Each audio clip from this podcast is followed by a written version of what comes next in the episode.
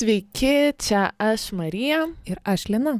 Kviečiame Jūs prisijungti prie žmogaus teisų balso tinklalaidės remimo Patreon platformoje. Ir kartu kovoti už teisę būti savimi be lyčių stereotipų. Ačiū labai. Sveiki, mėly klausytojai, čia Start FM radijas 94,2 FM Vilniuje ir žmogaus teisų balso laida. Ir dar vienas ir šios laidos vedėjos Lina. Labas, Lina. Labas, Marija. Ir aš Marija. E, žinote, turiu pasakyti, kad e, visai prieš naujuosius metus parašiau ir paskelbiau tekstą e, apie tai, kad mes ganėtinai negatyviai žiūrime į savo kūną, į savo pačių kūną. Ir tame tekste rašiau apie savo veidą, kuris yra išbertas pagais. Mano veido oda visada būdavo lygi, tačiau pradėjus jai spoguotis, išgyvenau tikrą dramą ėmiau savęs realiai neapkesti, žiūrėti per dažnai į veidrodį, tarsi spuogų savo gyvenime pirmą kartą būčiau mačiusi. Ėmiau žiūrėti kitų merginų nuotraukas Instagrame, stebėti tas nuotraukas, kad pamatyčiau pas jas bent vieną spuogą. O tokių neradus, nes turbūt e, sutiksite, kad e, socialinėje medijoje yra rodoma tik e, tobuloji gyvenimo dalis arba šiek tiek pagražinama. Aš ją rodavau ir iš tiesų turėčiau turbūt pasakyti, kad psichoterapija labai padėjo priimti save, pamilti save. Todėl nusprendžiau savo istoriją, kaip negatyviai žvelgiau į savo kūną, pasidalinti su savo sekėjais. Ir tada man labai greitai parašė mano socialinių tinklų draugė Luka, kad jai ši tema irgi yra a, labai skaudi ir kol kas jai yra nedrasu net ir apie tai kalbėti. A, pasitarėme abi dvi, kad būtų labai smagu sukurti laidą, tinklalaidą apie tai, apie a, negatyvų požiūrį į savo kūną buvo susitarta itin greitai. Aš labai greitai parašiau Linai. Lina sako, o taip, kaip reikia važiuojam, važiuojam, darom. Ir būtinai turim gvildenti šią temą.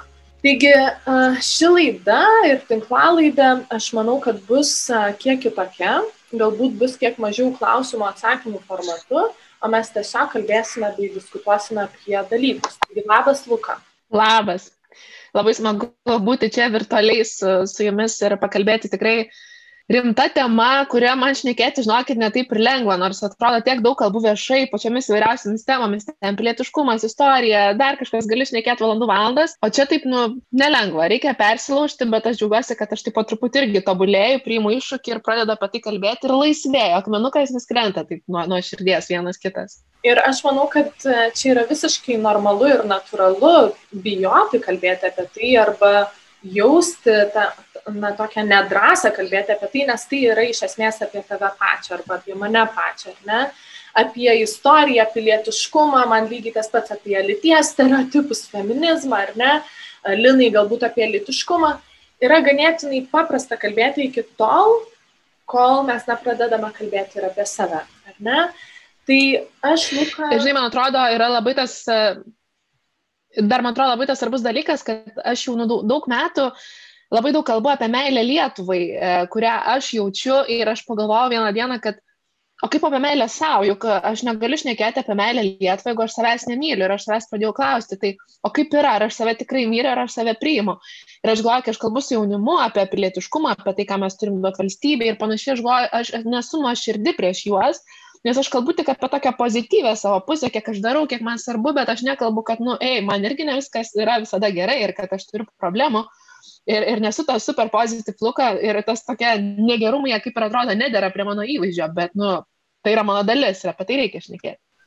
Jo. Man atrodo, dar labai svarbu suprasti, kad visi jausmai ir emocijos yra labai vertingi ir svarbios ir reikia apie viską kalbėti, nes man atrodo, yra labai kartais lengviau šnekėti tik apie pozityvius, kur viskas yra spalvota ir vaivorykštės vis mm. ir taip toliau ir yra labai sunku visgi kalbėti apie tos dalykus, kas skauda ir skauda pačiai arba pačiam.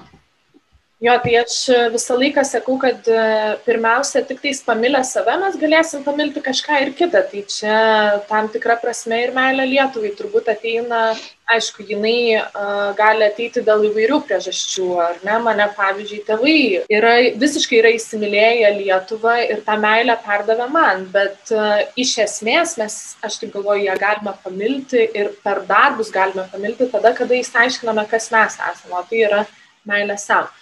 Ok, tai Luka, tu norėjai pasidalinti savo istoriją, tai galbūt aš manau, kad mes šiandien visos trys vienai par kitai pasidalinsime tas savo istorijomis, kodėl nemylėjome arba kaip nemylėjome savo kūną, bet kadangi Luka yra mūsų viešne, aš labai norėčiau išgirsti tavo istoriją, nes žmonių istorijos iš tikrųjų įkvepia. Oi, tai iš tiesų tu pasakai, kaip mes nemylėjom savęs, žinai, aš negalėčiau pasakyti, kad aš šiandien save labai stipriai myliu savo kūną ir priimu save.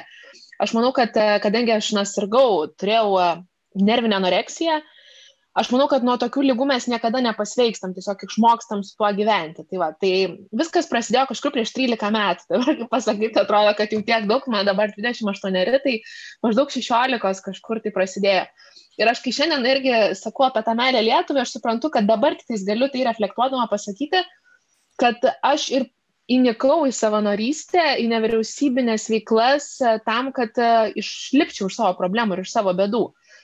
Nes e, buvau paauglė, sirgau depresiją, susirgau nervinę anoreksiją, išgyvenau labai daug įvairių problemų, kurios buvo susijusios ir su, ir su mano šeima, su mano tėvų santykiais. Uh, a, su mano pačios išvaizda, nors, na, irgi, kai atrodo, žiūriu nuotraukas, na, niekada nebuvau kažkuom labai tokia super išskirtinė, na, tikrai ne modelis, bet ir tikrai ne, ne kažkokia apsimi mergina. Bet reikia nepamiršti, kad prieš tiek metų dar nebuvo nei interneto, nebuvo, na, taps internetas buvo, bet nebuvo socialinių tinklų. Tu negalėjai niekur paskaityti, kas vyksta su tavim, kas vyksta su kitais žmonėmis, dar niekas tikrai nesidalino tais pavyzdžiais, nei, nei vieši kažkokie žmonės. Iš esmės, aš buvau viena su savo problemom aš bijojau pasakyti šeimai, aš bijojau pasakyti draugam, tai tiesiog tu gyveni vienas ir tu užsisuki tokį ratą, kad atrodo, negali iš jo išlipti. Tu save tik tais taip, na, grūzinė, taip liaudiškai tariant, ir, ir, ir tiesiog, na, į tokį kokoną užsidarai, kad, nu, atrodo, viskas yra blogai. Tai uh, man teko netgi namuose mokytis uh, ne vienerius metus, nes tiesiog, nu, aš ant tiek daug sirgdavau, ant tiek buvau save nualidavau, kad aš, nu, negalėdavau eiti į mokyklą, aš pastoju gulėdavau tai ligoniniai, Tai, tai sakykime, tai tiesiog sirgdavau namuose, kadangi buvau labai stropi mokinė, tai tiesiog stresuodavau dar nuo to, kad neinu ir atsilieku, žodžiu. Tai tas mano toks nevalgymas iš pradžių prasidėjo dėl, dėl to, kad turėjau skrandžio problemų, bet čia irgi tokį pagaunę azar, tokį labai stipriai sulieknėjai, dėl to, kad nu, tiesiog ten turi skrandžio problemų, tai nu, aš pradėjau galvoti, kad man tai patinka ir aš noriu nu, būti tokia liekna. Ir aš pradėjau piktybiškai nevalgyti. Nevalgiau, slėpiau, kad valgau, pavalgius išsivemdavau. Uh, Tai taip, žodžiu, gyvenau kokius du metus nepilnai ir, ir pasiekiau tokią, aišku, tėvai mane pradėjo leisti pas psichologus, aš lankė, nu, šiuliuose tuomet gyvenau, ėjau pas psichologus ir ne vieną pakeičiau, bet kažkaip, na, aš sunkiai tada prasivėriau um, kalbėtis ir pasidaviau tam kažkokiam gydimui. Ir, žodžiu, pasiekiau tokią ribą, kad mane tėvai jau e, susodino, atsimenu, buvo labai gerai sekmadienis į mašiną ir atvažiavome į Vilnių, į valgymo sutrikimų centrą naujojo Vilniuje Ir mane praktiškai atneša tėtis ir, ir manęs nepriima. Manęs nepriima, sako, jinai sako, galim tiesiog nusibaigti bet kurią akimirką. Sako, jūs pradžiai važiuokit į ligoninę, atstatykit ją ir tada jau nugalėsim, žodžiu, atvažiuoti čia, grįžti, gydyti jau na, galvą tavo, ta prasme, ir kalbėtis apie problemas. Bet aš, žodžiu, buvau taip, kad, nu, net organai galėjo atsisakyti, aš ant tiek buvau jau, na, iš to nevalgymo pasiekus tokią ribą. Žodžiu, tėvai mane paliko Vilniuje, Santariškėse, aš pragulėjau dvi savaitės visiškai viena tada irgi ir Ir aš labai išsigandau. Aš žiauriai išsigandau. Aš galėjau priimti lašinių, aš buvau visiškai viena, nepažįstu jokių žmonių, aš nesuprantu, kas vyksta. Man buvo taip be galo baisu ir aš suprantu, kad aš nebenoriu atsidurti tokioje situacijoje, nebenoriu grįžti, kur buvau. Ir nenoriu važiuoti irgi valgymo sutrikimų centrą, nes man tai irgi atrodė, kad yra, nu, ta irgi psichuškė vadinama. Nu, čia buvo močiutė man tokį skiepis, kad, nu, kaip tu ten gulėsi, čia giliks įrašai tau visam gyvenimui, tu po to darbo nesusirasi ir aš tik galvoju, kad ne, ne, ne, aš ten nenoriu. Man reikia susijimti. Tai aš grįžau į Šiaulius, e, pradėjau lankytis vėlgi pas psichologą, e, su dėtistais kalbėti, nu, kad pradėčiau valgyti po truputį. Ir aš supratau, kad nu, aš turiu susijimti ir aš turiu nebebūti savanaudę, aš turiu na, kažkaip daryti galbūt gerą kitiem, atrasti veiklą, atrasti pomėgį, nu, kad nebūčiau susikoncentravus į save. Ir tai prasidėjo tas mano toks aukso amžius, kaip galima sakyti, aš panirau į visas įmanomas veiklas. Aš savanoriavau, e, lankiau vyrias organizacijas, mokyklai ten tapau aktyvistė, gerai mokiausi, nu, žodžiu, manęs buvo visur labai daug ir man tai padėjo tuo metu. Aš suprantu, kad gal tai nėra geriausia forma gydimo, nes, nu, tu tiesiog biškitą viską slopini kažkur viduje giliai laikai. Bet tuo metu man tai padėjo išgyventi. Ir, ir aš tai baigiau mokyklą ir, ir išvykau studijuoti Vilnių ir kažkaip tai atrodė, na, viskas kažkur giliai.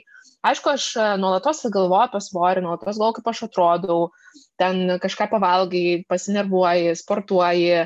Mm, pavyzdžiui, iki šiol aš tiesiog negaliu pakesti, kai kas nors kažkokį žmogų pavadina storu, man tai atrodo, kažkaip iš karto aš priimu labai asmeniškai, nežinau, aš suprantu, kad tai kvaila, bet aš labai tą priimu. Arba kaip, pavyzdžiui, mano draugės, e, nu, kurios tikrai yra, na, lieknesnės už mane, pradeda kalbėti, kaip jom reikia laikytis dietų, kaip jos atrodo, ten nes es rūbai per maži, reikia ten, arba XS ten kažkokie per, tai žodžiu, nu, man tiesiog būna tokia trauma ir aš tiesiog net negaliu klausytis, nes galvoju, tai, o tai ką man kalbėti. Ir aš iki šiol tikrai tai būna pagalvoti. Tai aš suprantu, kad e, aš tikrai nuo to nepasveikau aš tiesiog su tuo mokausi gyventi, mokausi priimti tokia, kokia aš esu ir žinau, kad aš savęs tikrai taip nebealinčiau ir, ir tikrai nebadaučiau ir nesilaikyčiau kažkokių dietų, um, bet, bet man vis tiek yra sunku apie tai negalvoti. Ir, ir, ir nu, turbūt nėra dienos, kad aš nepagalvočiau apie savo svorį arba kaip aš atrodau. Ir apie tai yra sunku šnekėti ir iki šiol man yra apie tai sunku, sunku dalintis ir kalbėti su žmonėmis, bet kaip ir sakau, na, aš pati po truputį gyju nežinau, ar aš išgysiu, bet, e, bet dalindamas ir kalbėdama, na, tai aš manau, kad yra tam tikra mano pasiekimo forma. Tai jeigu va taip trumpai, tokia yra mano istorija. Ir kaip ir sakau, ta meilė Lietuvai atsirado ne, ne iš kažkur, bet būtent iš to, kad e, man reikėjo veiklos, man reikėjo save atiduoti kitiem, kad aš negalvočiau apie savo problemas. Ja, tai, e, wow, aš jau ne, nesitikėjau tokios istorijos, mane net sgrūdino vienu metu. Uh, bet, e, žinai, mes, man atrodo, kiekvienas e, savo gydymo būdą pasirinkame taip, kaip mes norim. Ne? Tai šiaip visai tenka nemažai paskaityti psichologinių knygų, knygų ir dažnas psichologas ir sako, kad kažkuriam laikui pabėgti į darbus yra labai sveika, tik tai svarbu, kad tai netaptų dar viena lyga. Tai va, tai uh, ačiū labai, kad pasidalinai. Man tai svarbiausias turbūt klausimas iškilo iš karto. Kaip galvoji, kas, net nežinau kaip suformuoluoti teisingai klausimą, bet kaip tu galvoji, uh, kodėl tau atsirado toks noras um, save alinti? Kaip galvoji, kas čia galėjo galbūt įkalti į galvą, kad tu mhm. nepakankama tokia, kokia esi? Ar ne? Čia, žinok, labai yra įdomus dalykas, nes aš iki tol tikrai niekada nekompleksavau ir nesusimaščiau apie savo išvaizdą. Bet kuomet aš tikrai labai sulėknėjau, nu, kaip ir sakiau, nes turėjau vairių ten skrandžio opos, nu, tiesiog natūraliai tu turi valgyti tokį maistą, na, tą dietišką ir tu sulėknėjai. Ir aš, kai grįžau mokyklą, ten jau po tokio va to rimtesnio savo skrandžio problemo, aš tikrai buvau numetusi stipriai svorio ir aš sulaukiu labai daug komplimentų. Ir tuomet, kaip ir sakau, dar nebuvo kur pasižiūrėti Instagrame ar, ten, ar ne per televiziją, nu dar nebuvo tas dėgiamas toks tos grožio kultas e, liekno kūno. Ir man tas taip patiko, kad atkreipė nu, žmonės dėmesį, na, aišku, man tada buvo 15-16 metų, bet ir vaikinai atkreipė dėmesį ir merginos, ir tie, kurie niekada galbūt su manim per daug nebendravo, sako, wow, kaip tu gerai atrodai, ir man tai patiko. Ir aš supratau, kad, nu, gerai, čia kažkas yra gerai, vadinasi, aš noriu ir toliau. Tai va tas turbūt man tada e, na, mane motivavo tą blogąją prasme save alinti ir, ir pasiekti tą kažkokį, na, mano galva, tobulą išvaizdą, nors vis tiek, kad ir kiek net lieknėtum savo netrodė gražus. Bet man patiko tuo metu, nors atrodo, aš irgi nu, buvau iš tų žmonių, na, su visais draugavau, nebuvau kažkokia kitoj toj pusėje, kur man reikėtų pripažinimo, bet man tiesiog patiko, kad pat aš esu kažkam labai graži ir aš su to, na, sulaukiu komplimentų. Tai aš taip galbūt pasakyčiau, kodėl tas mane motivavo. Nes nu, mes visi žmonės, mes norim pripažinimo ar ne to vis tiek vienokio ar kitokio. Taip, aš norėjau irgi atliepti kažkaip į, į Luką į tavo pasidalinimą, kad norisi patikti kitiem, ne? Dėl to, kad man atrodo, mūsų laikais, ar ne, e, tada, kai mes buvom 15-16 metų, iš esmės visas patikimas savęs buvo per kitus žmonės. Mes buvom, man atrodo, mokomi ir mokomos, kad mm. jeigu tu patiksi kitiem, va tada bus tavo vertė įrodyti, ar ne? Jeigu tau kažkas pasakys, kad tu gražiai atrodai, kad tu esi fainas, fainai ir taip toliau, ir taip toliau, bet niekas niekada turbūt nemokė, kad kad e, pirmas dalykas tai yra patikimas savo, koks dar patikimas savo, ne? Ir tada atsiranda visi tie turbūt e, norai daryti bet ką, kad tik tai kitas mane arba kita mane įvertintų kažkaip tai. Jo, ir čia um, turbūt Lina pasakė esminį dalyką, kad mes esame ir buvome ir dar iki pat dabar mokykloje yra mokomi vaikai, daugiau to tokio siekti pripažinimo iš kitų. Galbūt dabar mokykloje gal ir ne taip, ar ne, bet jeigu mes žiūrėtumėm per kūną ypatingai, tai jo, mes siekiame, pavyzdžiui, pripažinimo, laikydamosios arba laikydamiesi vietų, ar ne, arba kad atitiktumėm vienokį ar kitokią stereotipą visuomenėje, ar ne, tai pavyzdžiui, mums jau ganėtinai senai yra į galvą e, įkalta mintis, kad e, tik liekni žmonės arba tik tais lieknos moteris yra vertos patirti sėkmę, ne, kas yra labai pavojinga. Mokyklose, kokią aš bėdą matyčiau, tai kad visų pirma, nei mes, nei dabartiniai paaugliai nėra mokomi sukurti subtilaus, gražaus, sveiko santykio su savo kūnu. Ne? Ir va čia yra uh, labai didžiulė problema. Ir ypatingai moteriams, uh, net aš esu girdėjusi ir man yra parašysios skaitytojos, kad uh, joms mokykloje mokytojas realiai pasako, kad tu būk liekna, graži ir tau to užtenka tavo gyvenime, ar ne? Tai nu, mergaitės gauna labai didžiulį spaudimą, kad jos privalo atrodyti visada, visada gražiai, visada lieknos, visada pasitempusios. O tai iš esmės na, nekuria subtilaus, e, subtilaus santykio su kūnu, nes mes nebejaučiame tada savo kūno. Mes savo kūną pateikiame kaip prekę. Ne? Tai man atrodo, kad ties šią vietą šiek tiek sustokime, ar ne? Ir čia Start FM radijas 94,2 FM Vilniuje, žmogaus teisų balso laida. Tai sveiki po trumpytės pertraukytės e, klausytojai grįžę ir grįžusios į mūsų Start FM radiją 94,2 FM žmogaus teisų balsą.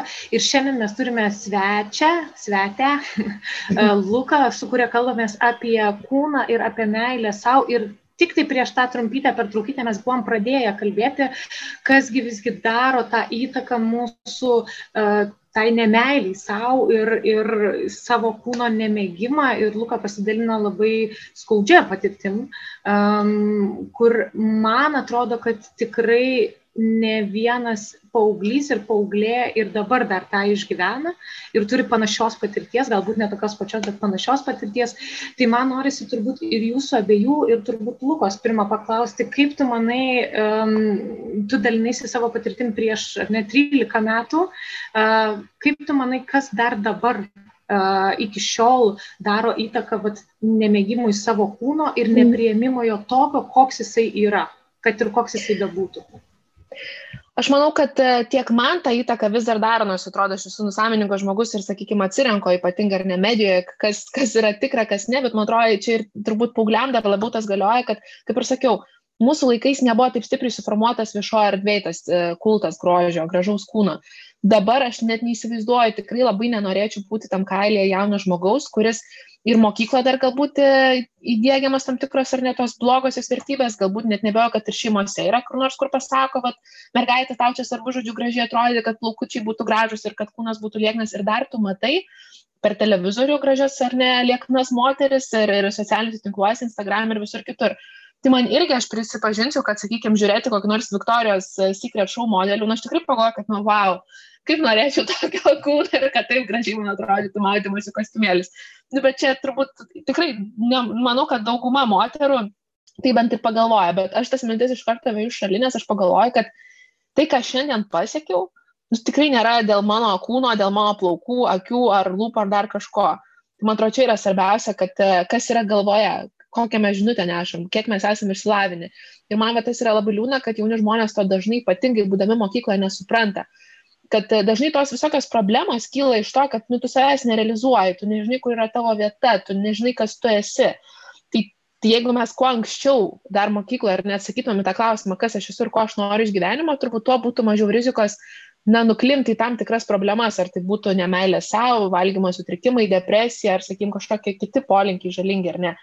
Tai šiandien man tikrai vis dar tą įtaką daro aplinka, tai, ką aš matau socialiniuose tinkluose, ką aš matau na savo artimų galbūt žmonių rate, tai Mm, bet kaip ir sakau, aš mokusi ir, ir bandau tą priimti, kad nu, ne tai yra mano vizitinė kortelė, ne tai man neša kažkokią naudą, ar ne, aš turbūt ne dėl to esu kažkokia, žinoma, tam tikram rate ne dėl to ten išvykau kokią nacionalinę ekspediciją, nes esu ten čiauriai kažkokia graži ir gerai atrodo. Nu ne, aš, nu, mes aš turiu ką pasakyti. Tai va čia turbūt yra ir Marija, apie ką tu šnekėjai, tas santykio su savim kūrimą, ne tik į savo kūno ar nepripažinimą, bet ir apskritai meilę savo, ką aš turiu gražiausio ir kokios yra mano tos stipriosios pusės tikrai tai nėra vien kūnas. Uh, tikrai taip. Aš tai dar turbūt norėčiau sugrįžti vis tik į vaikystę ir vat, atsakant uh, į klausimą Linos. Lina, gali dar pakartoti klausimą? Mano klausimas buvo, kasgi visgi ir dabar dar daro įtaką tą jauniems žmonėms ir netgi mums, ar ne, ir vyresniems žmonėms, kurie yra tikrai, va, kaip Lukas sako, sąmoningi jau ir, ir jau susigyvenę, atrodo, tiek laiko su savo kūnu, kas vis dar daro tą įtaką, kad mes negalim priimti savęs. Okay, tai, uh, tai apie šitą klausimą tada ir galvojau.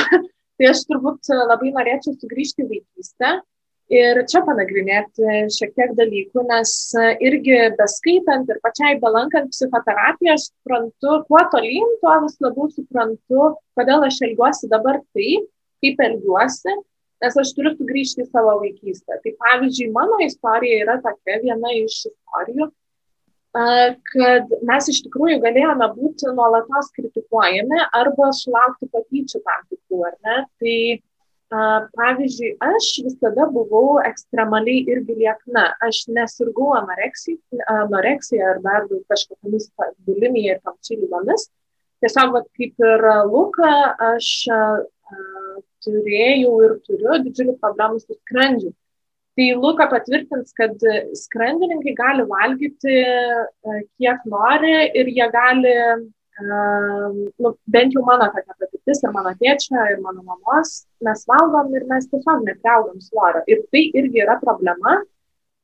Ir aš visada, mano yra ta kategorija, kad aš negaliu prarasti nei vieno kilogramo, nes jeigu prarandu viską, aš einu į išsekimą. Todėl aš, kai valgau, turiu labai prisižiūrėti, ką valgau tam, kad neprarasčiau svorio ir tam dar būtų geriau, kad priaugčiau. Tai aš visą gyvenimą buvau itin liekna, ekstremaliai liekna.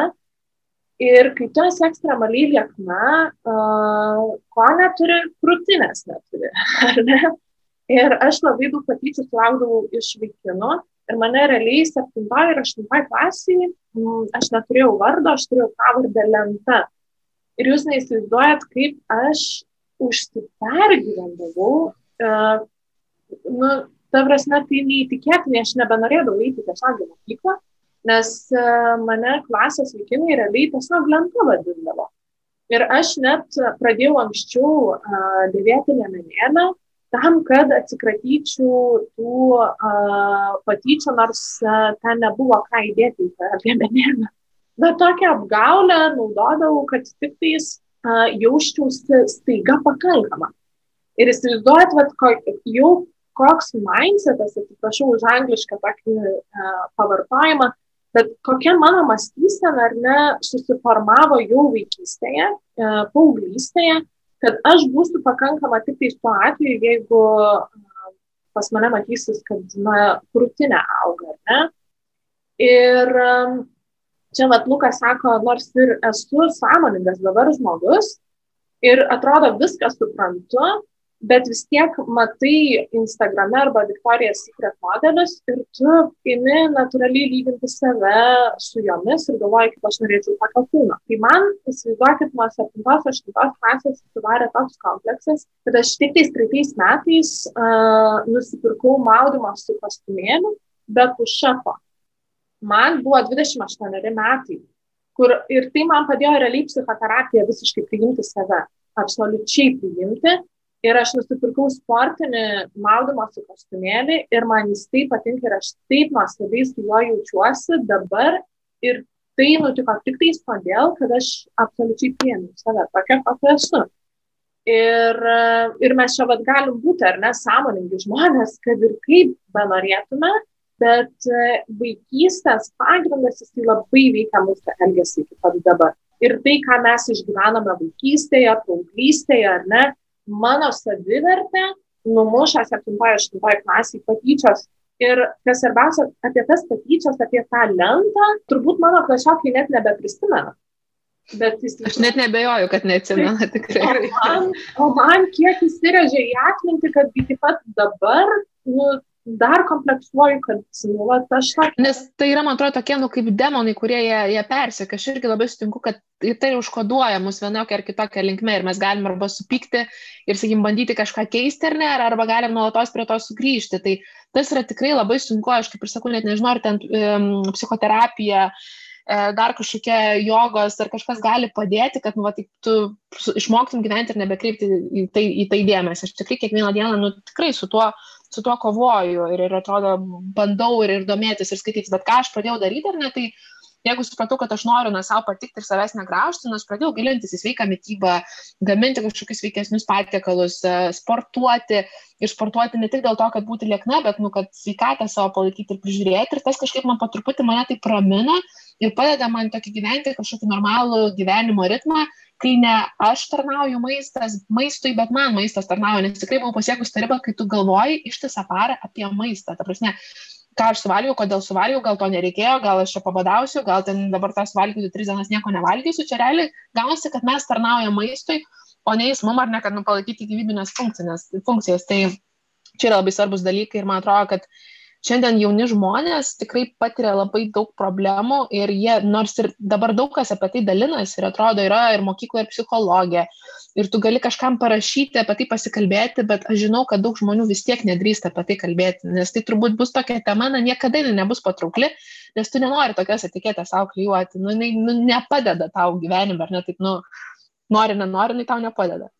Taip, visiškai ir aš kažkaip, kai, kai jūs dalinatės, aš visiškai mm, prisiminiau save ir su sportu, kas yra susiję, todėl kad aš visą gyvenimą tik tai prieš kokius, nu jau turbūt porą metų šokau tautinius šokius.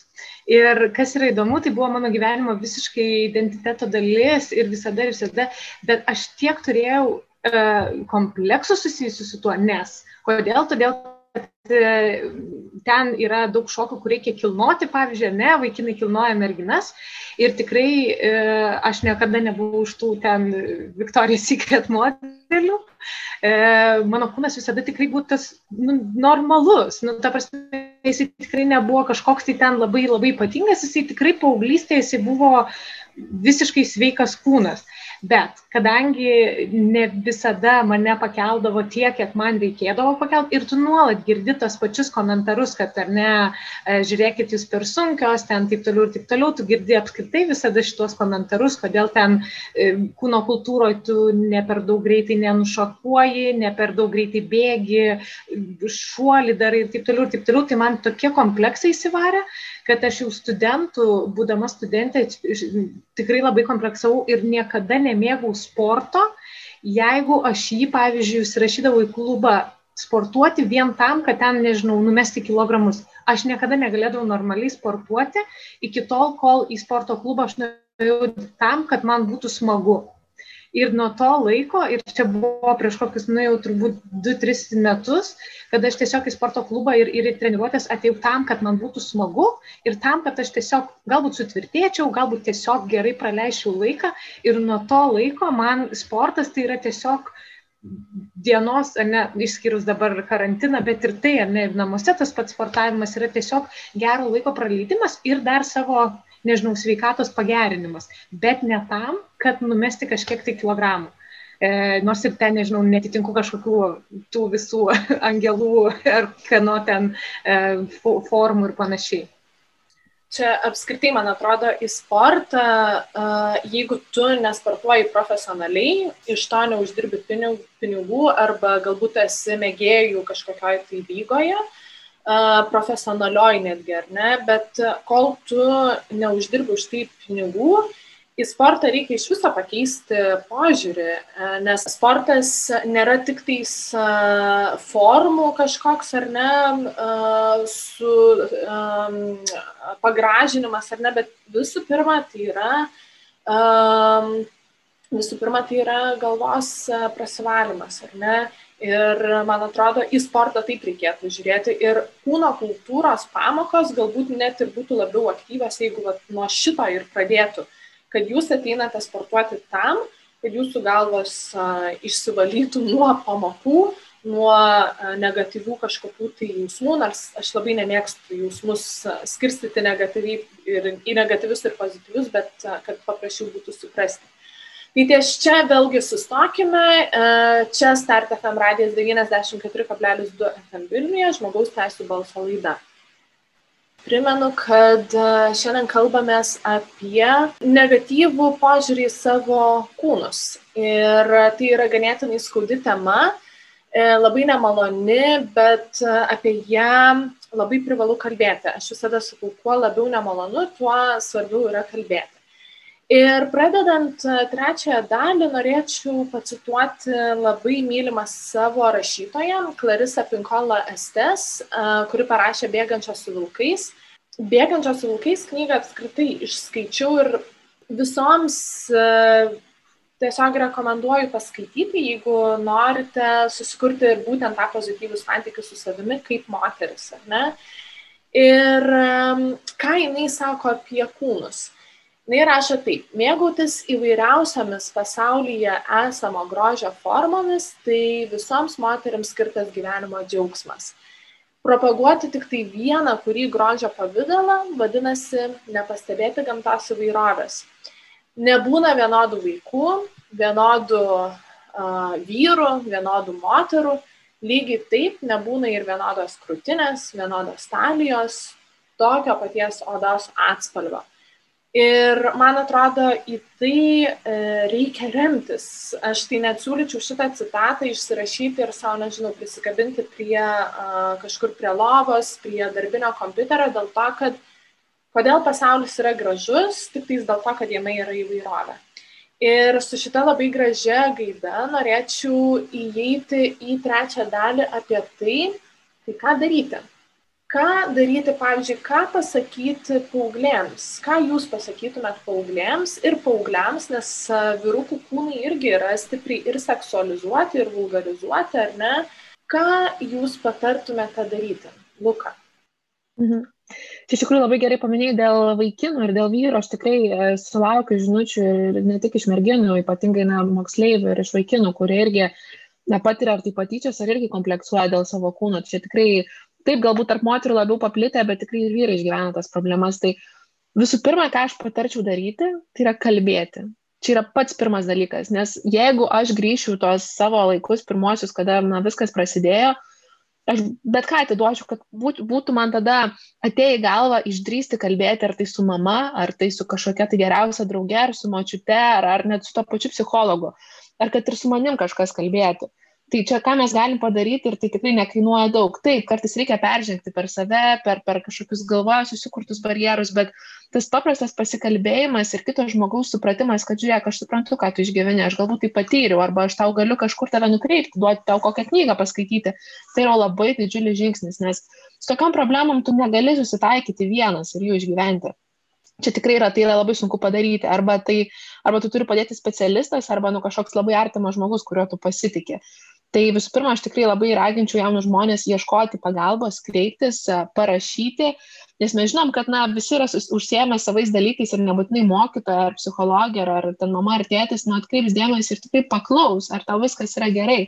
Tai man atrodo, čia yra labai svarbus dalykas, kad šiaip tai mūsų kartai, nepriklausomybės kartai, mums apskritai yra labai svarbu, kad na, mūsų paklaustų, kaip mes jaučiamės, ar tai būtų darbas, ar tai būtų mokykla, ar tai būtų nu, kažkur kieme. Mes tiesiog mums yra gera, kai paklausia, kaip mes jaučiamės. Čia, man atrodo, yra ta tema, kur mums labai reikia kitų žmonių palaikymo ir, ir, ir paramos.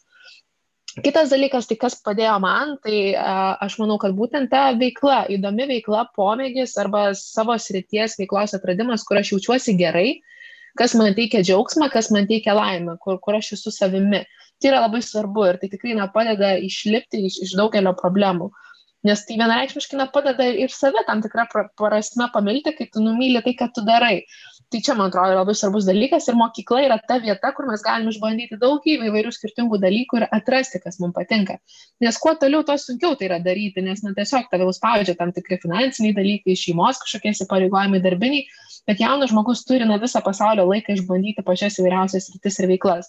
Tai tikrai irgi tą siūlyčiau labai daryti, na, atrasti, kas mums patinka, nes mes taip galime ir gyventi vien savim besirūpinant ir, ir daugiau ar ne nieko E, nebus. Ir kas dar buvo toks dalykas, man atsimenu, čia aišku, močiutinai taip tada galbūt šiek tiek sarkastiškai man pasakė, bet tai turi tiesos, kad sako, nu va, susirasi vyrą, žodžiu, ir pasibaigs tavo visos problemos, nes bus kuo rūpintis. Tai aš gal perfrazuočiau, kad nebūtinai reikia susirasti vyrą, bet kad tiesiog, kai tu pradedi rūpintis kitais, tai iš esmės, na, tau irgi padeda tiesiog, kai, kai tu nebeturi vien tik savim rūpintis. Tai gali būti šuniukas, kačiukas, tai, tai gali būti ar nedraugas draugė, tai gali būti galbūt kažkokia visuomeninė veikla, bet tas rūpestis kitais ir pamatymas, kad yra pasaulyje kitų problemų, gal netgi daug rimtesnių negu tavo, tai irgi šiek tiek padeda taip nusileisti ant žemės ir žiūrėt, gerai, man yra taip, bet aš susitvarkysiu, gal kažkam yra, kur nureikia mano pagalbos. Tai, tai va čia mano galbūt tokie, tokie patarimai, ką, ką aš dabar taip greit sugalvoju, bet kaip ir sakau, kalbėtis, nes dabar mes tikrai turim labai daug galimybių. Aš čia taip labai lengvai ir greitai įsiterpant, pareplikuoti Luką, kad iš tikrųjų man, pavyzdžiui, asmeniškai žmonės pradėjo sakyti, kad aš švyčiu laimę tada, kada aš sukūriau femą. O femos sukūrimas tai būtent buvo ne apie save, o apie kitą, nes aš tada apsisprendžiau nebegyventi galutinai tik tai savo. Nors aš jau ten ketverius metus dirbau mokykloje ir mokytojas darbas iš tikrųjų absoliučiai nėra tik apie save, ar ne? Uh, bet aš kai Ir čia turbūt ir susijęs su ta savirealizacija, apie ką irgi Luka kalba, nes aš būtent rašyme atradau absoliučiai save ir tai yra mano sielos namai. E, tai aš turbūt gal tuo pačiu irgi kokį patarimą duočiau, arba kas man padėjo iš esmės, tai aišku, knygos, psichoterapija, aš labai daug klausydavau TED Talk, įvairių podcastų, nu, žodžiu, apie kūną, apie emocinę sveikatą. Tai iš esmės turbūt mano gyvenime įvyko tada revoliucija, didžioji pergalė ir tokia revoliucija tada, kai supratau, jog mano kūne e, nėra nieko, kas turėtų būti kitaip. Ne? Ir e, kad svarbiausia, ir čia turbūt aš pasikartosiu, tik tais kitais žodžiais pasakysiu, ką Luka kalbėjo, kad iš tikrųjų ne figūros apimtis yra svarbiausia, ne amžius ar ne, o svarbiausia yra tai, kaip mano kūnas jaučiasi. Ar mano kūnas geba džiaugtis gyvenimu ir ar mano kūnas koreliuoja su mano širdimi bei siela, ne, taip kaip aš jaučiuosi. Tai čia mano turbūt didžiausia pergalė ir aš nusiraminau. Aš tada, kai man atėjo toks suvokimas, aš tada nusiraminau, nes man nebereikėjo kažką, kažkam, kažko įrodinėti. Nes aš supratau, kad aš esu verta būti ir verta tokia, kokia esu. Svarbiausia man yra nekenkti kitam. O su savo kūnu pakengti kitam, savo kūno buvimu pakengti kitam, na, tai yra neįmanoma. Man taip atrodo. Aš tai jaučiu galvoju dabar, e, man norisi prigriepti ne tik tai paauglius ir paauglės, nes e, realiai e, ką daryti turbūt labai dažnai irgi galima rasti, ne, ir internete, ir klausantis būtent podcastų, rašant lukai, rašant visiems žmonėms, kurie gali padėti. Bet man atrodo, kad yra labai svarbu dar ir prisiminti suaugusius žmonės, kurie laido komentarus ir norėt, nu, kažkaip man norėtųsi priminti ir visiems tiems žmonėms, kurie savo leidžia laidyti rodyti įvairius komentarus, kad vietoj komplimento, kad tu esi protingas, sakyti, o kaip gražiai numetį ten porą kilogramų, tai prieš išleidžiant šituos komentarus tiesiog sustoti ir pagalvoti, ar tikrai tas komentaras padarys tam žmogui ką nors gero. Nes e, bet koks komentaras, ar ne, tu per liekna, tu per stora, tu e, gražiai numetėjai 3 kg, arba ten, o žiūrėk, priaugai, ar ne, arba ten, o žiūrėk, mm, po atostogų pastorėjai kažkaip, ar ne. Nu, čia tokie, kur, kur tikrai yra labai paprasti mm, diskusiniai, ar ne, komentarai, kurie iš esmės palieka tos, tas žaizdas.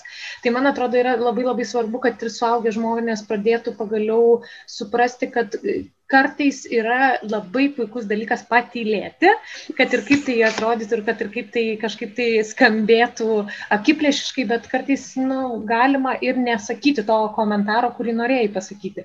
Ir jaučiu, kad paaugliam man turbūt ir iš pačios savęs labai svarbu suvokti, kad tai, kas veikia kitam, nebūtinai man gali suveikti mhm. ir dėl to atrasti savo būdą, kad ir tai yra labai sunku, tai nėra taip tiesiog, kad aš atsikeliu ryte ir susigalvoju būdą, kaip aš pagysiu, ne, nes kartais iš tikrųjų reikia gyti nuo, nuo to, kaip aš žiūriu į savo gyvenimą ir į savo kūną, tai aš jaučiu, kad labai svarbu suprasti, kad bet koks būdas, kas man padeda, yra tas būdas, kuris turi padėti nes e, gali aš... būti, kad, kad kažkas tai nesuveiks man, kas suveikia mano geriausiai draugai, pavyzdžiui, arba draugų. Mm.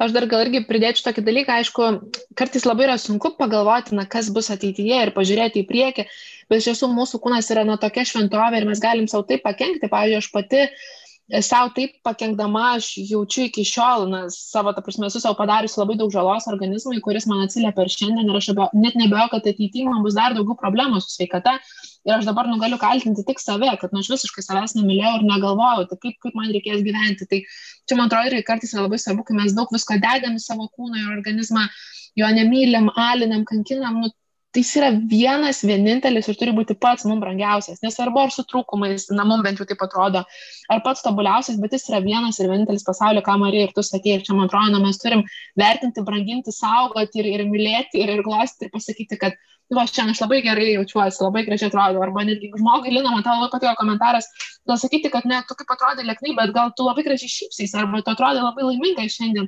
Tai man atrodo daug labiau paglosti širdį, negu kad pasakysi, nu, va, čia visai gerai dabar atrodysiu lieknai, mane, pavyzdžiui, tai nervina tiesiog tokie komentarai. Man atrodo labai svarbu suvokti, kad mes galim sau leisti save mylėti.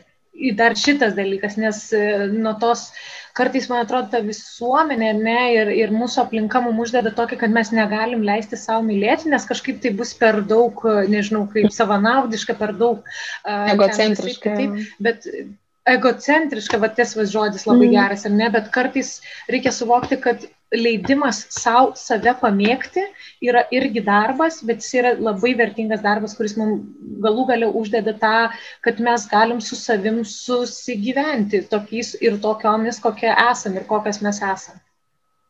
Ja, tai man atrodo, čia um, jeigu tokio, aišku, čia greitai neįvyks, ar ne, ta meilė savo, jinai greitai neįvyks. O Lukas sako, kiek laiko praėjo, o dar vis abejoju, ar tikrai neįvyks pilnai. Man irgi lygiai tas pats, ar ne? Būna, kad padarau tokius pasirinkimus gyvenime, kurie, na, nieko panašaus į meilę savo. Bet tai yra gyvenimas, ar ne? Ne visada bus viena linija džiaugsmingai arba nebus visada linija vien liūdnai yra kalneliai ir tą reikia priimti ir tas savęs priėmimas yra labai sunkus darbas ir labai ilgas darbas. Bet vieną kartą, kai tu apsisprendi, kad aš lysiu į šitą kelionę, į savęs prieimimą, į savęs meilės kelionę, tokią kelią, ar ne, tu pradedi pastebėti, kad kažkas tavo gyvenime keičiasi. Keičiasi sprendimai, keičiasi, nežinau, aplinka namuose, keičiasi apskritai visa aplinka aplinkui tave, nes tu kažką skleidi, o tu skleidi savęs meilę. Ar ne? Ir tai žmonės pradeda pastebėti. Ir tada pradeda kitokius galbūt komplimentus ir sakyti, kaip tu fainai šiandien šypsais, arba tu atrodai laiminga šiandien, ar ne? Ir jo, čia turbūt e, netgi būtų smagu, kad jausmą pagirtų ar pažymėtų, ne, kad tu esi šiandien turbūt laiminga arba šiandien atrodai fantastiškai tiesiog, ar ne, galbūt ne, nebūtinai įvardyjant, kad tu atrodai fantastiškai, nesulėknėjai. tai yra visiškai nesąmonė. Tai va. Uh, ok, ir mes turime. Aš dar vieną komentarą noriu. Aš dar vieną Baigia. komentarą noriu. Baigia. Vieną komentarą. Uh, kažkaip sėdėjau, sėdėjau dabar ir pagalvojau, kad kai mes kalbam apie meilę savo, ne kartais gali atrodyti, kad tai yra, nežinau, atsikeliu ir ten savo pasidovanoju, ką nors, arba ten, nu, žodžiu, aišku, aš čia šaržuoju, bet kartais e, ta meilė savo ir norisi, kad tą išgirstų ir visi jauni žmonės, kurie dabar, ar ne, kenčia dėl kažkurių dalykų, kad meilė savo ir yra tai, kad e, leidimas savo suprasti, kad tu išgyvenai dieną. Arba išlipimas iš lovos ir nuėjimas nusiprausti, tai irgi yra meilė savo. Tai nebūtinai turi būti grandiozinis dalykas, ką aš padarau, bet tai gali būti mažų mažiausias dalykas, ką aš padariau per visą dieną, arba pavyzdžiui, tiesiog atsikėliau iš lovos, arba tiesiog išgyvenau šitą dieną ir einu gyventi kitos dienos. Tas irgi yra meilė savo. E, taip, bet e, ir tas, e, aišku, ir apdovanojimas savęs, ar ne, jis irgi nėra blogas, bet kad ten, pavyzdžiui, neįtų nusipirkti mėgstuką, ar ne, su tuo irgi viskas yra gerai, kol tai netampa įda arba emociniu pirkimu, bet Nes būna, kad po to ir tas mėgstukas jau nebedžiugina, nes tu užsidedi, gal čia tave storina, gal čia tave dar ten ką nors daro, čia irgi reikia iš tikrųjų labai atsargiai su to. Jo, labai atsargiai dėl to, kad mes labai dažnai galvojam, kad daiktai mus padarys laimingais ir uh, ypatingai rūbai, ar ne, kad štai nusipirksiu vienus džinsus, dabar tikrai atrodysiu didesnė, gražesnė ir mane tada tikrai pamils. Kas ir su sportu yra lygiai tas pats, ne? Um, plakatai sporto klubų dažniausiai yra tokie turėk riestą užpakaliuką, ar ne, aišku, taip nėra sakoma atvirų tekstų, bet mes matom tokios nuotraukos, ar ne, ir tada tu sulauksi begalybiškai dėmesio, ar ne. Kokia tai yra žinutė skleidžiama, tai viena vienintelė. Turėsi riestą užpakalį, tada tave pamils. Bet kai tu tada, kai tu uh, užsiaugini tą riestą užpakalį, nusiperki džinsus, nusiperki dešimtą kartą, dešimtus džinsus, nusiperki dešimtą suknelę ir tu supranti, kad tavęs dar niekas nepamilo. Tas princas netėjo prie tavo durų ir va tada turbūt labiausiai ir reikia susirūpinti ir paklausti savęs, ar aš iš tikrųjų save myliu. Kažkame turbūt kitame dalyke yra bėda, uh, kodėl manęs nepatenkina tie dešimti džinsai ir dešimtas suknelė. Ne, bet kartais padovanoti savo, nežinau, nusilakuoti nagus, nusipirkti džinsus ar kedus, viskas yra su to gerai, bet kaip visada reikia jausti ribą. Ir suprasti turbūt, kodėl aš perku. Ne, tai va, mes turime rubriką. Uh, tada darome pabaigoje rubriką, uh, klausome savo viešnių, kol kas dar tik vien moteris buvo, ne, Lina, atrodo. Taip, kol kas dar vien moteris. Taip, taip. Visų savo viešnių klausime vieno vienintelio. Kokį stereotipą tu, norėt, tu norėtum uh, išmesti iš šiukšliabežę? Tai gali būti bet koks, gali būti ir susijęs su kūnu, uh, gali būti susijęs su bet kuo kitu, bet būtinai turi būti lyties stereotipas. Mhm. Um, aš galbūt na, kaip susiduriu su tokiu vienu stereotipu ir kurį bandau irgi išmesti iš savo galvos ir gal bandau šiek tiek keisti tą požiūrį. Um, aš kadangi, uh, na, kaip dirbu, dirbu kariuomeniai ir nesu karė, esu civilė ir iš tiesų pradžioje aš labai daug susiduriu, kadangi tu patenki tokią labai vyrišką auditoriją ir kuomet tu kalbi labai rimtomis temomis, Tai, nu, reikia spėti, kaip į tave žiūri, dar kai tu ar ne pasidažai, šviesus plaukai, žmogus save prisižiūrintis ar ne, tai tai aš labai tokius sulaukdavau labai tokio, na, man buvo labai sunku dirbti ir labai sunku išsikovoti tas pozicijas, kad žiūrėkit, nesvarbu, kaip aš atrodau, svarbu, ką aš sakau ir ką aš kalbu. Tai man atrodo, tas stereotipas, ką aš apskritai norėčiau, nu, jį naikinti visam pasauliu, nes tai tikrai vėlgi nieko nepasako apie mūsų turimą žinias ir kompetencijas. Ir man atrodo, kad Lietuvoje, ypatingai tose srityse, kur dirba daug daugiau vyrų, tai labai šitas stereotipas yra gajus ir aš su juo tikrai susiduriu beveik kiekvieną dieną ir gan stipriai su to kovoju kad būtume vertinamos e, ne už išvaizdą, o už kompetenciją. Ne? Jo, čia man atrodo labai labai svarbu irgi tai yra. Gerai, tai ačiū labai, Luka, kad šiandien buvai su mumis. Iš tikrųjų, aš tai dar čia kalbėčiau ir kalbėčiau, nes šita tema turbūt yra neišsamiama. Bet aš kažkaip galvoju, kad labai gerai, kad iš karto pasidarėm po naujų metų, nes žmonės perklausys ir pagalvos, hmm, galbūt mano metų tikslas galėtų būti priimti save ir mylėti save ir mokytis save. Kodėlgi ne?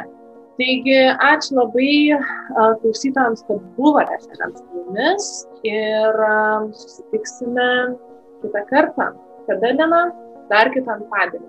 Dar kitą antradienį. Taigi, visą gerą čia buvo žmogus teisų balso laida per Startas Andradiją 94,2 Iki. Iki. Iki.